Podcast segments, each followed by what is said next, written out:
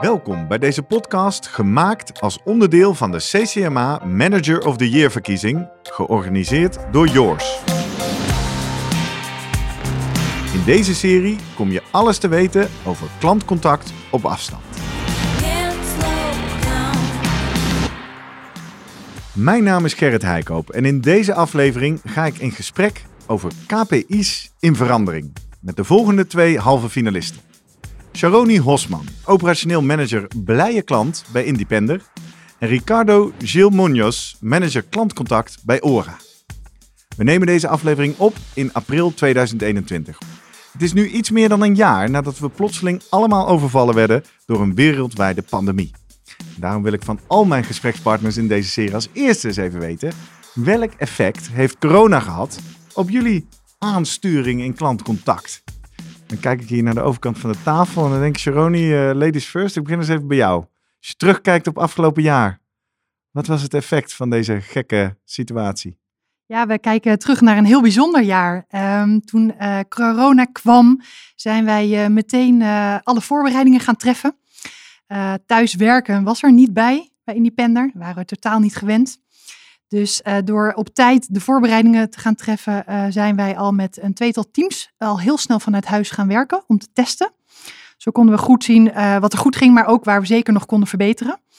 En ver voordat de officiële lockdown werd aangekondigd, zijn wij dus al allemaal naar huis gegaan. En dat was heel spannend, maar dat is heel goed verlopen. Trots op hoe het team daarop gereageerd heeft, hoe flexibel ze zijn geweest. En uh, nou ja, we werken nu bijna allemaal vanuit huis op een aantal mensen uh, na. Want we bieden wel de mogelijkheid om voor uh, 30 mensen naar kantoor te gaan. Die dat toch fijn vinden of af en toe even met hun team uh, naar kantoor willen.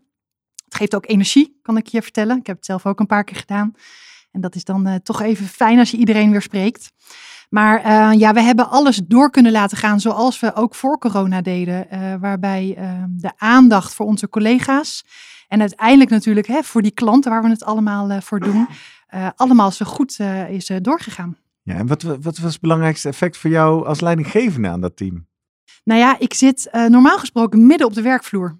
En ik spreek iedereen. En dat is nu natuurlijk heel erg anders. Um, mijn eigen teamleden spreek ik sowieso dagelijks. Via Teams met de camera aan. Dus we hebben echt wel persoonlijk contact. En uh, nou, experts, die zie ik natuurlijk nu ook gewoon veel minder. Dus ik zorg dat ik elke week uh, of de telefoon even pak met een aantal experts, uh, eventjes praat om te vragen hoe het met hun gaat en of ik iets voor ze kan betekenen. of ik stuur even een berichtje via Teams. Dus ik probeer echt dat persoonlijke contact met iedereen te houden. Want um, ja, het begint bij blije collega's. Ja. Van daaruit creëren we blije klanten. Precies. Nou, ik wil zo wat meer weten over hoe die professionele context van jou eruit ziet. Die teams, die experts, hoe groot, hoeveel, hoe vaak. Maar Ricardo, ik ben even benieuwd bij jou. Wat was het effect voor jou van de afgelopen jaren op het aansturen van jouw teams? Uh, nou, hoog over, heel herkenbaar. Uh, wat ik net hoorde. Ik denk dat het voor de meesten ook is. Ik merk wel, voor mezelf heb ik het wel in drie fases beleefd. De eerste fase was echt inderdaad van, als we maar alles overeind houden, de business door laten gaan, dat we de mensen thuis kunnen laten werken, dat alles doet. Uh, dat iedereen ook zo dadelijk gefaciliteerd wordt uh, met een bureaustoel, een, een schermen, et cetera, et cetera. Ja, dat vond ik eigenlijk uh, de allerbelangrijkste fase, helemaal het begin. En maar voor zorgen dat alles draaiende bleef. Hmm. Nou, gelukkig, hè, na zo'n twee maanden hadden we dat in de smiezen. En daarna kwam de tweede fase en dat is aandacht voor de mensen. En dat vond ik wel een hele, ook een echt de allerbelangrijkste fase kreeg ook heel veel signalen. Ja, we missen uh, kantoor. We missen het, de sociale contacten. En daar hebben we uh, dan heel veel uh, voor gefaciliteerd. Om uiteindelijk te kijken naar van ja, hoe kunnen we nou toch de contacten die we normaal gesproken op kantoor hebben, hoe kun je die nou toch nog een beetje creëren terwijl iedereen thuis zit? Mm -hmm. nou, en de laatste fase, voor mij is dat eigenlijk een beetje richting oktober gaan spelen, tot nu, is van oké, okay, we hebben het nu in de smiezen, thuiswerken, aandacht voor de mensen, aandacht voor elkaar. En dan ga je weer even naar de business, naar de KPI's waar we ze dadelijk over gaan hebben, rapportages uh, en uiteindelijk ook je doelstellingen willen bereiken als, uh, als organisatie zijnde. Ja, dus eigenlijk die derde fase wordt gewoon weer een soort business as usual, maar dan in de nieuwe setting. Ja, ja. ja, ja. En dan, dan, de laatste vraag van jou van, goh, wat betekent dat nou voor jou, voor jezelf? Uh, dat hoorde ik net ook al een beetje. Uh, we zijn denk ik, uh, we kennen elkaar net een beetje. Het is wel mens op mens. Hè? We vinden mensrelatie heel erg belangrijk. Ik, wat ik zelf vond is, normaal gesproken heb je spontaniteit. En doordat je op de afdeling loopt, dan gebeuren de dingen gewoon spontaan. En bij het, het koffieapparaat, dan maak je even een gesprekje met een medewerker. En nu, vanuit thuiswerken, moet je eigenlijk alles gaan plannen en mhm. organiseren. Dus daar is voor mijzelf, eh, vind ik wel, de spontaniteit is er een beetje uit. Ja. Het onvoorspelbare en, en daarmee de, de, de toevalligheden die het ook verder brengen, die mis je daarin. Ja. Ja. Kan je voor onze luisteraars eens in een paar penseelstreken schetsen hoe jouw professionele wereld eruit ziet bij Ora? Uh, hoeveel mensen stuur je aan, hoeveel teams, hoeveel plekken? Uh, hoe, hoe steekt het in elkaar? Uh, nou, ik heb uh, acht teams uh, die ik aanstuur, acht teamleiders. Dus elke team heeft een teamleider. Een team bestaat bij ons ongeveer tussen de 20 en de 25 FTE. Mm -hmm. uh, vervolgens heb ik ook nog een, een staf om mij heen. Dan moet je denken aan WFM's, opleiders, kwaliteitsspecialisten, die ik allemaal direct aanstuur. En totaal is ongeveer de afdeling 180 tot 200 medewerkers groot. Ja, en zaten die voor corona allemaal op één plek of door het hele land? Of hoe, hoe was dat toen? Nee, die zaten echt op één plek. Dus ja. uh, het hoofdkantoor in, in Arnhem van, uh, van ORA. dus ja, voor ons was het wel echt een gewending om allemaal thuis te zitten en ook niet meer op kantoor te komen. Hoe, was dat, hoe, hoe ziet jouw wereld eruit, Sharoni? Um, wij zitten met blije klanten op één hele grote vloer. En um, in mijn eigen team zitten zeven teamleiders, een workforce manager en een kwaliteitsmanager. Dus uh, negen collega's. En uh, de teamleiders hebben allemaal hun eigen teams van ongeveer 15 FTE. En um, alle experts, wij noemen de mensen die bij ons aan de telefoon zitten experts, uh, dat zijn er een kleine honderd, waar ook een back-office afdeling in zit. Wat voor soort vragen komen er veel op jullie af? Want Independent denkt, nou, dat is toch gewoon op de website een vergelijking uitvoeren. Maar blijkbaar uh, moet er toch nog van alles ondersteund worden. Ja, absoluut. Nee, als Independent zijnde hè, willen we het uh, vaste lastenplatform van Nederland uh, worden. En um, op de website um, zorgen we dat klanten zoveel mogelijk zelf kunnen vinden en zoveel mogelijk zelf kunnen regelen ook. Mm -hmm. dus die maken we ook steeds gemakkelijker. En nog zullen er vragen zijn die zo complex zijn, of klanten die zeggen, nou ik wil toch het persoonlijke contact. Nou, daarvoor uh, zijn uh, wij natuurlijk als uh, klantenservice blije klant. dus wij krijgen met name de complexe producten, waar wij um, nou, antwoord op kunnen geven. Maar het mooie ook is dat wij advies geven. Ja, precies. Zelfs... Dus begrijp ik dan goed dat jouw experts een beetje tussen support en misschien ook wel meer een sales marketing rol in zitten? Nou, wij helpen echt de klanten van A tot Z.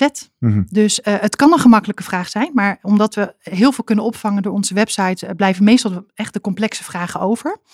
Um, de autoriteit Financiële Markten heeft gezegd, als je um, uh, wil adviseren, heb je je WFT-diploma's nodig, Wet op het Financieel Toezicht. Mm -hmm. Dus alle experts bij ons aan de telefoon, die hebben die diploma's. Dus die kunnen ook op basis van wensen van klanten uh, aangeven, nou dit is het product wat het beste bij jou past. Dus ja. we geven echt advies op basis van de wensen die klanten hebben. En uh, dat doen we op basis van verzekeringen, maar we hebben sinds kort ook energie en we hebben hypotheken en lenen. Dus um, de vragen kunnen echt alle kanten opgaan tot echt complexe adviesvraagstukken uh, die de experts krijgen. En dat is natuurlijk alleen maar leuk voor experts. Ja, precies. Heel uh, kennisintensief. Absoluut. We gaan het hebben over aansturen. En dan met name, ik ga toch één keer uh, dat KPI-woord even neerleggen. De Key Performance Indicators. Oftewel, je meet iets in je organisatie en je gaat dan uh, definiëren of het goed of slecht gaat met de tent op dat aspect. Laten we maar eens bij het begin beginnen. Wat is voor jullie de allerbelangrijkste? Als je er nog maar één zou mogen hebben, waar zou je dan op willen sturen, Ricardo? Goh, goeie vraag. Want wij meten echt alles. Zeker ja, in onze branche. Je hebt er waarschijnlijk heel veel. Uh, ik denk uh, dat ik zou kiezen voor uh, medewerkstevredenheid. Aha, interessant. En waarom juist die? Ik denk dat dat de allerbelangrijkste factor is. Want de rest is een gevolg van. En dus op het moment dat een, een medewerker tevreden is, happy is, ehm, hij wordt gewaardeerd, hij wordt erkend, dan denk ik dat de resultaten vanzelf gaan volgen. Ja. En daar geloof ik ook heilig in. En als ik nou iets meer teugel geef, dus ik zeg oké, okay, je hoeft er niet één, maar uh, een top drie. Welke twee en drie komen er dan snel bij?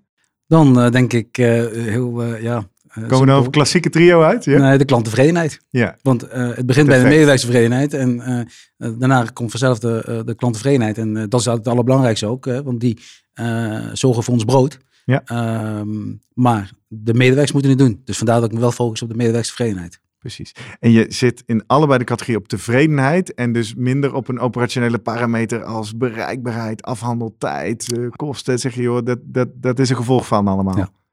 Mooi. Sharoni, hoe is dat voor jou? Als, eerst die ene. Als je er één mag kiezen, waar stuur je dan op? Ja, dan begin ik zeker ook met eh medewerkerstevredenheid. Hè, het Ehm, debat is eh, voorbij. Nou Ja. oké, daar zijn we het over eens. Sorry, sorry. Nee, wat wij zeggen, het begint bij blije collega's. En als die goed in hun vel zitten, eh, dan, dan heb je al zo'n winst eh, gehaald. Ja, maar jouw Ehm, functie is niet operationeel manager blije collega's. Nee, maar echt, het, het begint daarmee. En eh, kijk, als die expert daar met een glimlach achter die telefoon zit, dan kan hij die klant zo goed helpen met eh, ja, dat die klant ophangt met dat wauwgevoel. Dat is wat we willen. Hmm. En daar komt ook de NPS, hè, de Net Promoter Score, om de hoek kijken.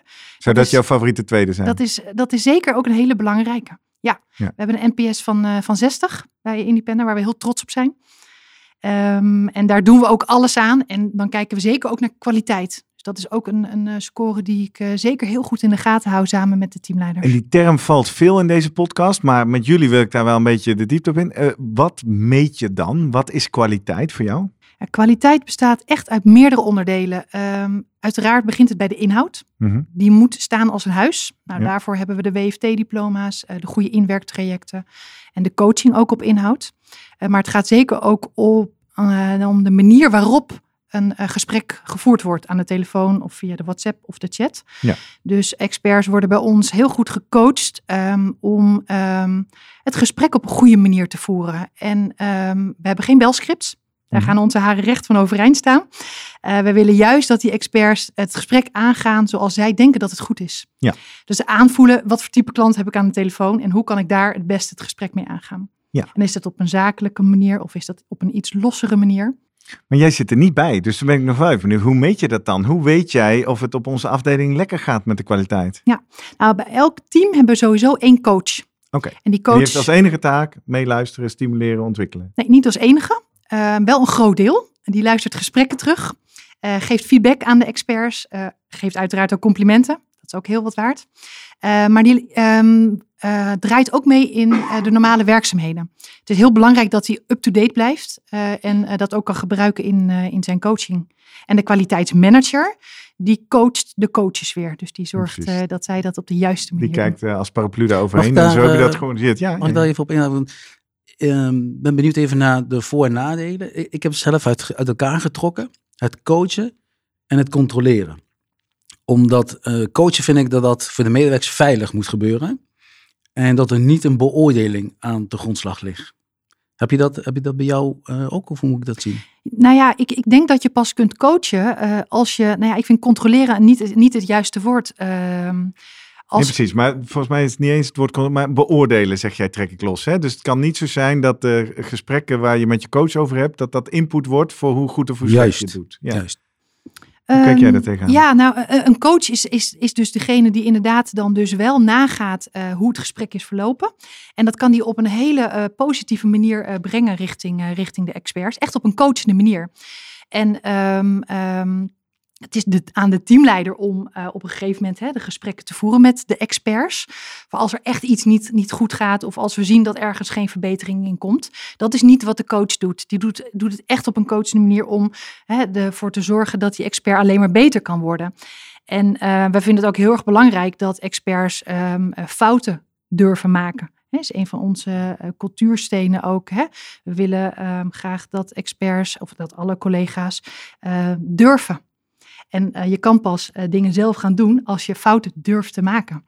En dat komt bijvoorbeeld natuurlijk ook hier eh, zeker naar voren. En het is aan die coach om daar goed op te anticiperen en die expert daarin mee te En nemen. als ik Ricardo's vraag dan goed begrijp, is eigenlijk jouw vraag, zit er dan voor jou een knip tussen de inhoud die de coach heeft over de ontwikkelgesprekken en de teamleider die vervolgens beoordeelt of iemand goed bezig is in zijn rol? Of wordt die informatie gedeeld met Die elkaar? informatie wordt Ja. gedeeld met elkaar. Ja. Dan heb ik ook wel een vraag voor jou, Ricardo. Want jij zegt, ik knip dat heel erg eh, los. Maar dat is ook een beetje inefficiënt. Want waarom zou niet die input uit het coachingsgesprek ook voor de teamleider van waarde zijn? Ja, klopt. Helemaal juist. En waarom, niet kies je het is daarvoor? Ja, waarom kies je daarvoor? Eh, ik wil die, ehm, eh, ik, ik, ik geloof echt in de veiligheid, want daardoor ga je veel meer leren. Mhm. Ik heb, eh, in het verleden had ik het ook eh, aan elkaar gekoppeld. En wat je merkte is dat de medewerker eh, te weinig open stond voor het coachen aan zich. En ik snap dat je het op een coachende manier overbrengt. Alleen, we kunnen wel overbrengen, maar hij weet echt wel van, hé, hey, hier zit wel een beoordeling aan vast. Dus geef me gewoon even meteen feedback van, wat moet ik beter doen? Dan ga ik het ook doen. En dat vind ik net een andere vorm van coachen, wat ik wil bereiken. En ik wil graag echt dat de medewerker met de coach gaat kijken inderdaad van, hey, hoe doe ik het? Eh, wat vind ik zelf, eh, eh, wat past bij mij? Mhm. En hoe kan- ik iets dan mijn eigen maken om daar weer eh, een beter gesprek van te, van te krijgen? Zonder dat die informatie naar het management toe gaat met alle mooie rapportages. En dat we dan vervolgens eh, zeggen van, eh, je scoort dat toch niet goed op. En hoe werkt het dan voor jouw teamleiders? Hoe beoordelen die dan de kwaliteit? Of die gaan dan zelf ook nog een keer apart Ja. meeluisteren? Ja, daarom is het ook terecht iets inefficiënt. Eh, want die eh, vind ik ook dat die gewoon een aantal gesprekken eh, per maand van een medewerker moeten terugluisteren. En op basis daarvan ook beoordelen. Daarnaast hebben we nog een overall eh, kwaliteitscontroleur. Mhm. Die ook een aantal gesprekken per jaar in zijn totaliteit pakt. En van daaruit maken we een totaal oordeel. Maar ik ga ervan uit, en dat zien we ook meestal terug, door het heel veel investeren in coachen. ja, dan moet ik zeggen dat eh redelijk goed gescoord wordt en dat wij niet daar heel veel gas op hoeven te geven. Eh, dus eh, Ja, want je zegt dat zie ik terug. Ik kan me voorstellen, er zitten nu collega's die luisteren en denken, oef, ja, inderdaad, in- inefficiënt. Je kan je budget maar één keer uitgeven. Maar wat is voor jou dan het, de grootste toegevoegde waarde om het zo aan te pakken? Wat zie jij in jouw organisatie? Ehm, ja, ik zie in ieder geval bij eh, een verschil tussen een paar jaar geleden bij de medewerker. Zo dadelijk gaan we iets meer misschien de diepte in met KPI's. Daar kan ik wel iets Mhm. meer over zeggen.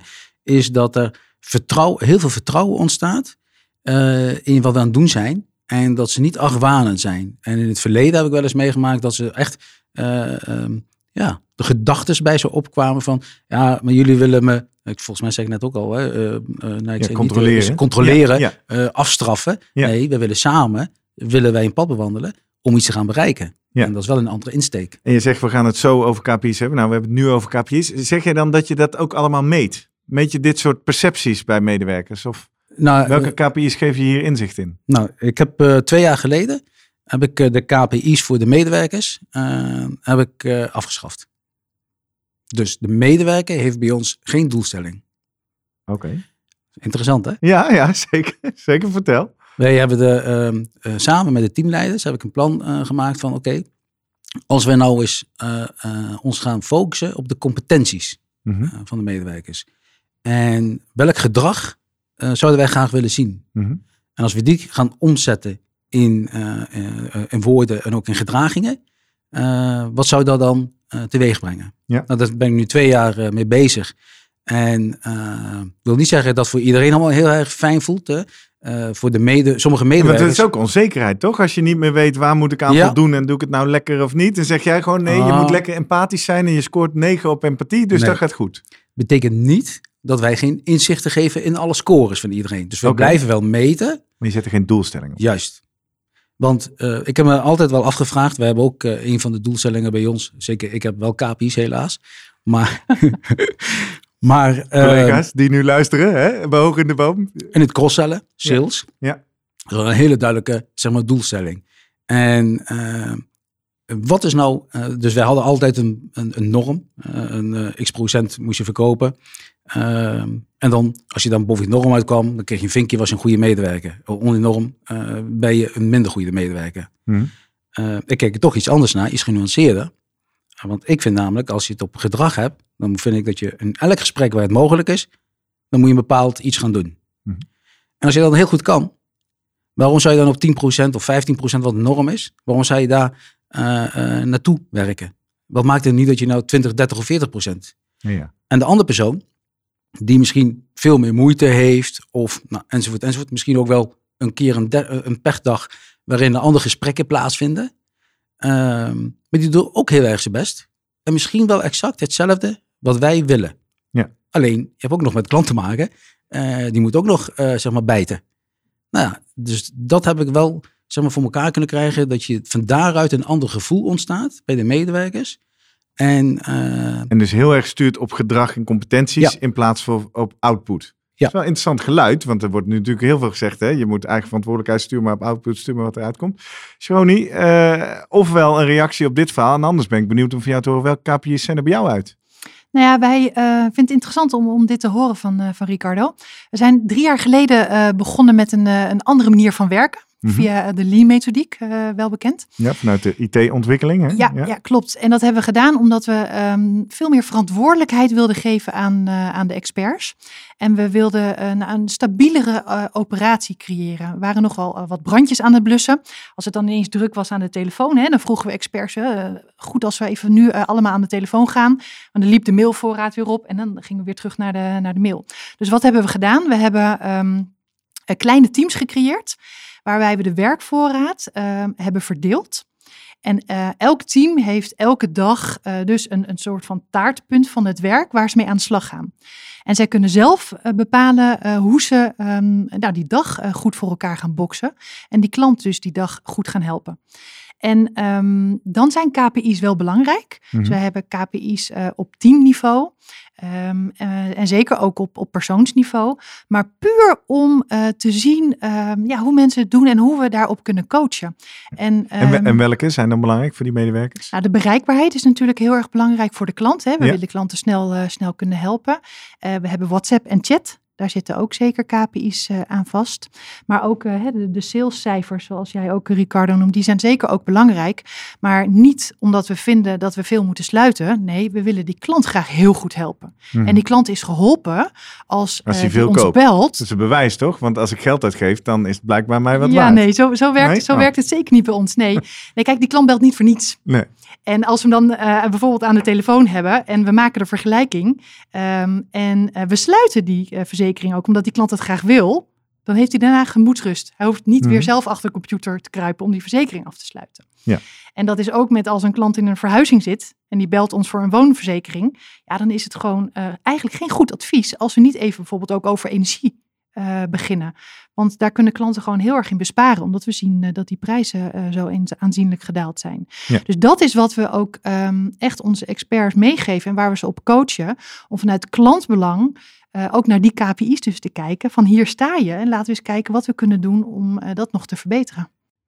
En in die zin zit dan het grote verschil met wat Ricardo zegt. Want laten we eens kijken wat jij kan verbeteren. Is dus wel degelijk doelen stellen, ook, ook individueel en per teamniveau op die KPI's. Ja, ja. absoluut. Ja. Uh, de experts krijgen ook elke maand een persoonlijk overzicht. En daarin zien ze... Um, uh, Eén keer per maand. Ik heb geen real-time inzicht in hoe we het doen. Geen nou, dashboard. die inzichten hebben wij wel. Ja, precies. Maar de medewerkers nee, niet nee, per se. Nee, nee. nee, zij zien natuurlijk wel inderdaad de bereikbaarheid hè, van die dag. En hè, hoe hebben we het vandaag met elkaar gedaan. Dat Ja. stimuleert ook heel erg. Hè? Ja. Experts geven ook aan dat ze dat inzicht willen hebben om te zien ehm, nou, hoe ze het die dag uh, uh, gedaan hebben en wat ze kunnen verbeteren. Dat is natuurlijk wat dan in de stand-up de volgende dag naar voren komt.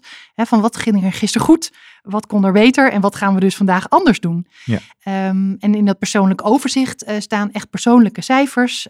Um, waarbij experts dus kunnen zien, nou dit is mijn NPS, uh, met het team is dit de NPS, dit is een voor heel blij klant. Ja, het is toch leuk om eens te kijken of ik hem nog kan verbeteren. Hoe kan ik dat doen? Je, dus, je creëert daarmee, uh, bewust of onbewust, dus ook een bepaalde competitie tussen je teams. Ja, uh, competitie tussen Bewust? aanhalingstekens. Nou, je, je merkt uh, bijvoorbeeld uh, tijdens het zorgseizoen, de laatste zes weken van het jaar. is eerder in een andere aflevering uh, bij een van de zorgverzekeraars aan bod geweest. Die zei, ik werk het hele jaar om klanten blij te maken. En in december gaan ze gewoon bij Independent voor 1 euro naar een ander. Maar goed, dat hoor je nog wel in een andere aflevering. Dat is een andere discussie. En, ja. daar discussieer ik heel graag over ja, mee. Uh, maar in um, uh, die periode um, hebben we um, nou, veel uitzendkrachten die ons komen helpen. En zeker ook collega's van andere teams. Dus dan zijn we zo met 100 mensen onze klanten aan het helpen met een nieuwe zorgverzekering. En dan kijken we ook naar conversie. En dat is dus de verzekering sluiten voor die klant die op dat moment contact met ons opneemt.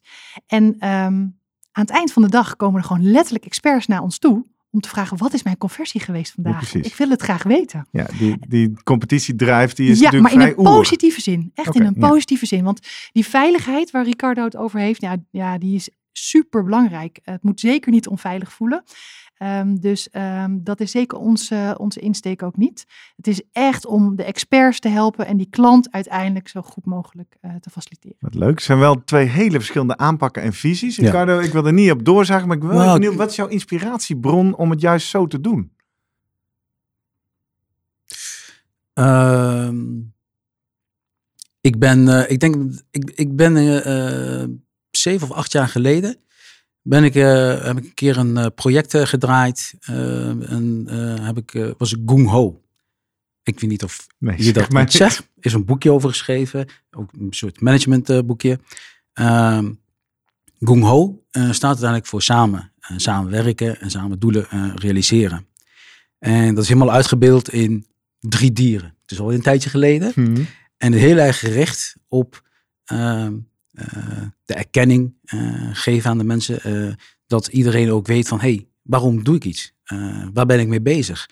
Eh, en ik denk dat ik daardoor ben geïnspireerd geraakt. Dat heb ik gedraaid een eh, twee jaar lang. Mhm. Uiteindelijk ben ik daarop voort gaan beduren. Van oké, maar wat is nou echt de kern? En eh, ja, vandaar dat ik me nog steeds echt focus op de mens. Wil niet zeggen, wat ik net hoor, allemaal hoor. Eh, tuurlijk, bij ons komen, gaan medewerkers ook vragen. Eh sterker nog, ze hebben bij ons real-time information. Van waar sta ik nu? Wat heb ik vandaag gedaan? Eh, dus ik zei net al, alle cijfers zijn inzichtelijk. Alleen de wijze waarop je st- aanstuurt, eh, waarop je coacht, waarop je stimuleert, daar zit misschien wel een klein nuanceverschil in, of misschien wel groot. Ja. Ik hoor net ook bijvoorbeeld bereikbaarheid. Ja. Ah, Ik vind bereikbaarheid vind ik een probleem van het management. Vind ik niet van de medewerker. Oké.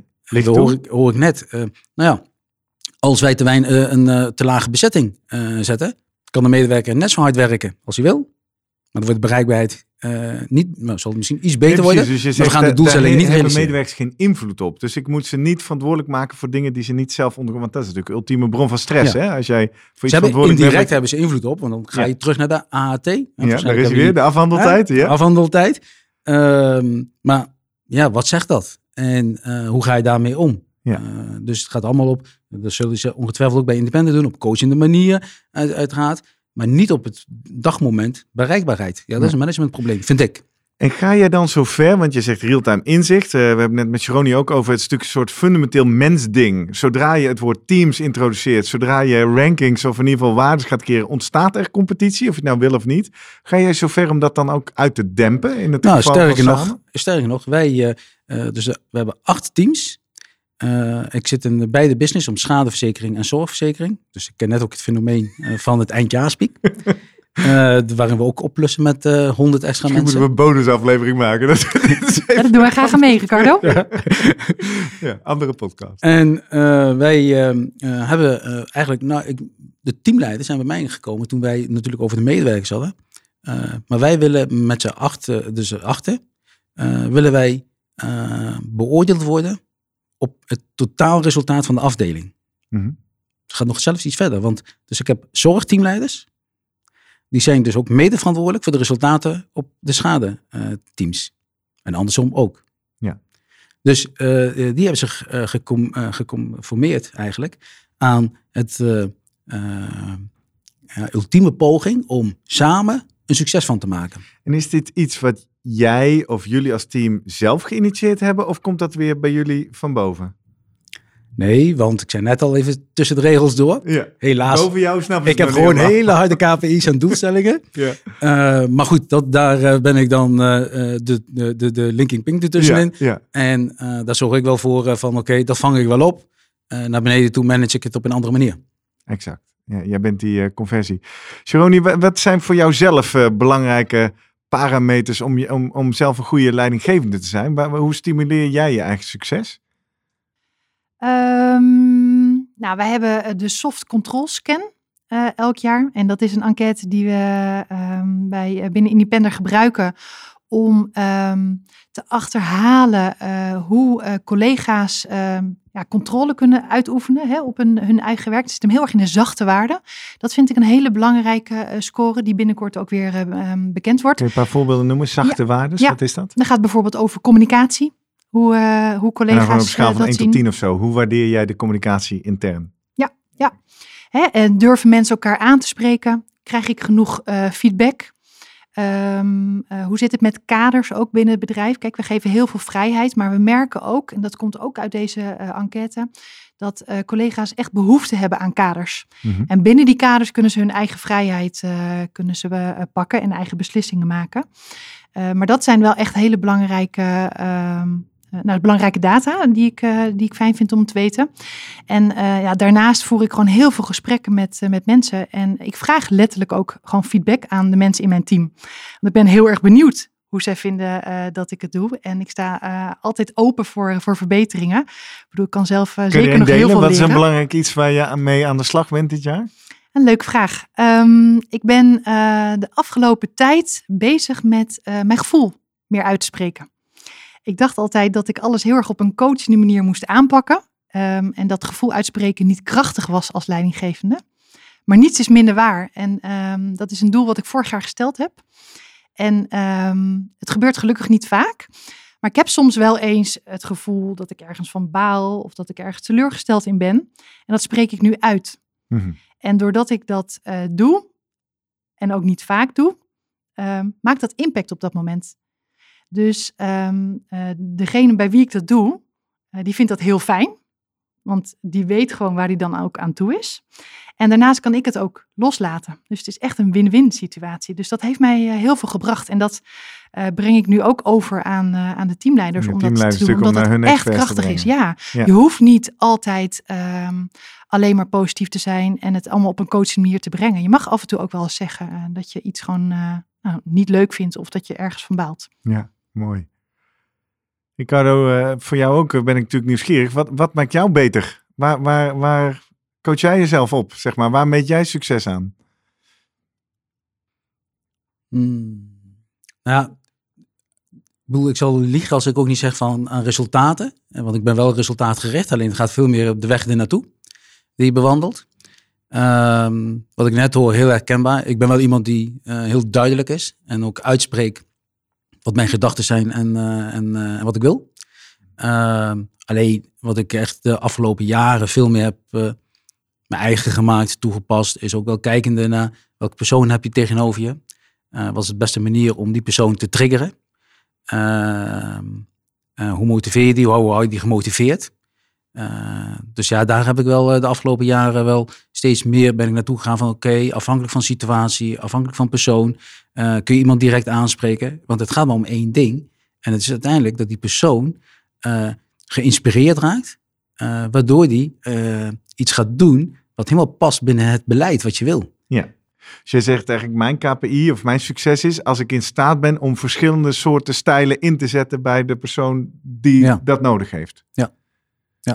Mooi, mooie visie. Ik hoop dat collega's die luisteren dat opschrijven en zeggen, daar kan ik ook iets mee. Tot slot, even een beetje in de toekomst uh, kijken. Uh, wat komt hierna? Waar gaat het heen als we het hebben over meten, rapporteren, sturen? Wat, wat zijn de volgende stappen? Wat zien jullie, wat zien jullie gebeuren? Ja, ik, ik denk uh, dat, ik hoorde het net ook al, bij Independent doen ze het ook, mandaat zo laag mogelijk in de organisatie. Wat betekent dat eigenlijk? Want er zijn altijd mooie woorden, maar het is eigenlijk wat meer uh, bewegingsruimte, bewegingsvrijheid te geven aan medewerkers. Tuurlijk hebben ze kader nodig vanuit veiligheid. Want als er geen kader zijn, dan wordt het heel onveilig. Dus ik denk dat veel meer, zeg maar, zelfregulerend, ehm, veel meer initiatief ondernemend, onderneming in een team, in een organisatie gaan krijgen. En de medewerkers van de toekomst verwacht ik dat die veel meer daar op zoek naar zijn. Geef mij gewoon een opdracht, maar laat mij, geef mij de ruimte om te kijken hoe ik het doe. Misschien is dat nog wel, oké, okay, hoe pas je dat in in onze branche? He, want dan zit je echt met, nou ja, ik roep het toch maar weer AAT, enzovoort, enzovoort. Ja. Um, maar ik geloof er wel in dat dat veel meer naartoe gaat. Ik geloof niet meer in dat uh, medewerkers blij worden van jarenlang uh, hetzelfde kunstje te, te moeten doen, uh, maar van bovenaf opgelegd. Dat, dat, dat is niet meer van deze tijd. Meer autonomie en misschien wel afscheid van de AHT als KPI. Om er maar eens wat afkortingen in te gooien. Maar die hebben ze bij ons al gelukkig niet. Nee, precies. Sharoni, wat zie jij als je een blik vooruit probeert te werpen? Nou ja, wij zijn de weg uh, uh, een aantal jaar geleden al ingeslagen om die vrijheid echt binnen de teams te beleggen. Dus daar gaan we zeker ook, uh, ook mee door. Um, wij willen dat klanten nou, op de website alles zelf kunnen regelen. Ehm, hebben ze dan toch die complexe vragen, dan komen ze bij, uh, bij je klant terecht. Ja, en dan is het aan de experts om uh, die klanten dat wauwgevoel te geven en die uitmuntende service te geven. En um, ik vind het het allerbelangrijkste dat zij dat doen vanuit hun eigen passie. En um, vanuit de focus die we hebben bij Independer. Hè, we willen uh, klanten uh, gemoedsrust geven dat die financiële lasten goed geregeld zijn. En dan zijn KPI's, nou ja, die zijn dan gewoon niet belangrijk. Het is uh, aan die expert om uh, die klant gewoon zo goed mogelijk uh, te helpen. En nou, wij als, als of teamleiders en ik als manager zullen zeker ook de data goed bekijken, de KPI's. En de experts helpen waar nodig. Maar het is met name voor experts belangrijk, hoe ga ik die klant gewoon het allerbeste helpen. Als, die op, als ik ophang, dat hij de volgende keer, als hij weer iets heeft met financiële lasten, contact opneemt met de. Spannend. Dus misschien horen we wel na een, een half uur met elkaar in gesprek dat de KPI's weg moeten bij in ieder geval de agents of experts of hoe je ze ook noemt.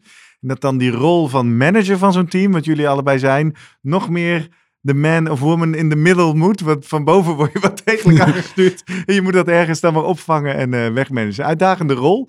Misschien zijn jullie daar dit jaar wel uh, de beste van in Nederland. Want uh, jullie zijn allebei op weg naar die finale. Misschien hebben we in deze aflevering wel gesproken met de winnaar. Nou ja, dat weten we na 3 juni. Dankjewel dat jullie er waren. Graag gedaan. Graag gedaan. Sharoni Hosman, operationeel manager, blije klant bij Independer. En Ricardo Gil Munoz, manager klantcontact bij Oren. Dankjewel. Graag Dankjewel.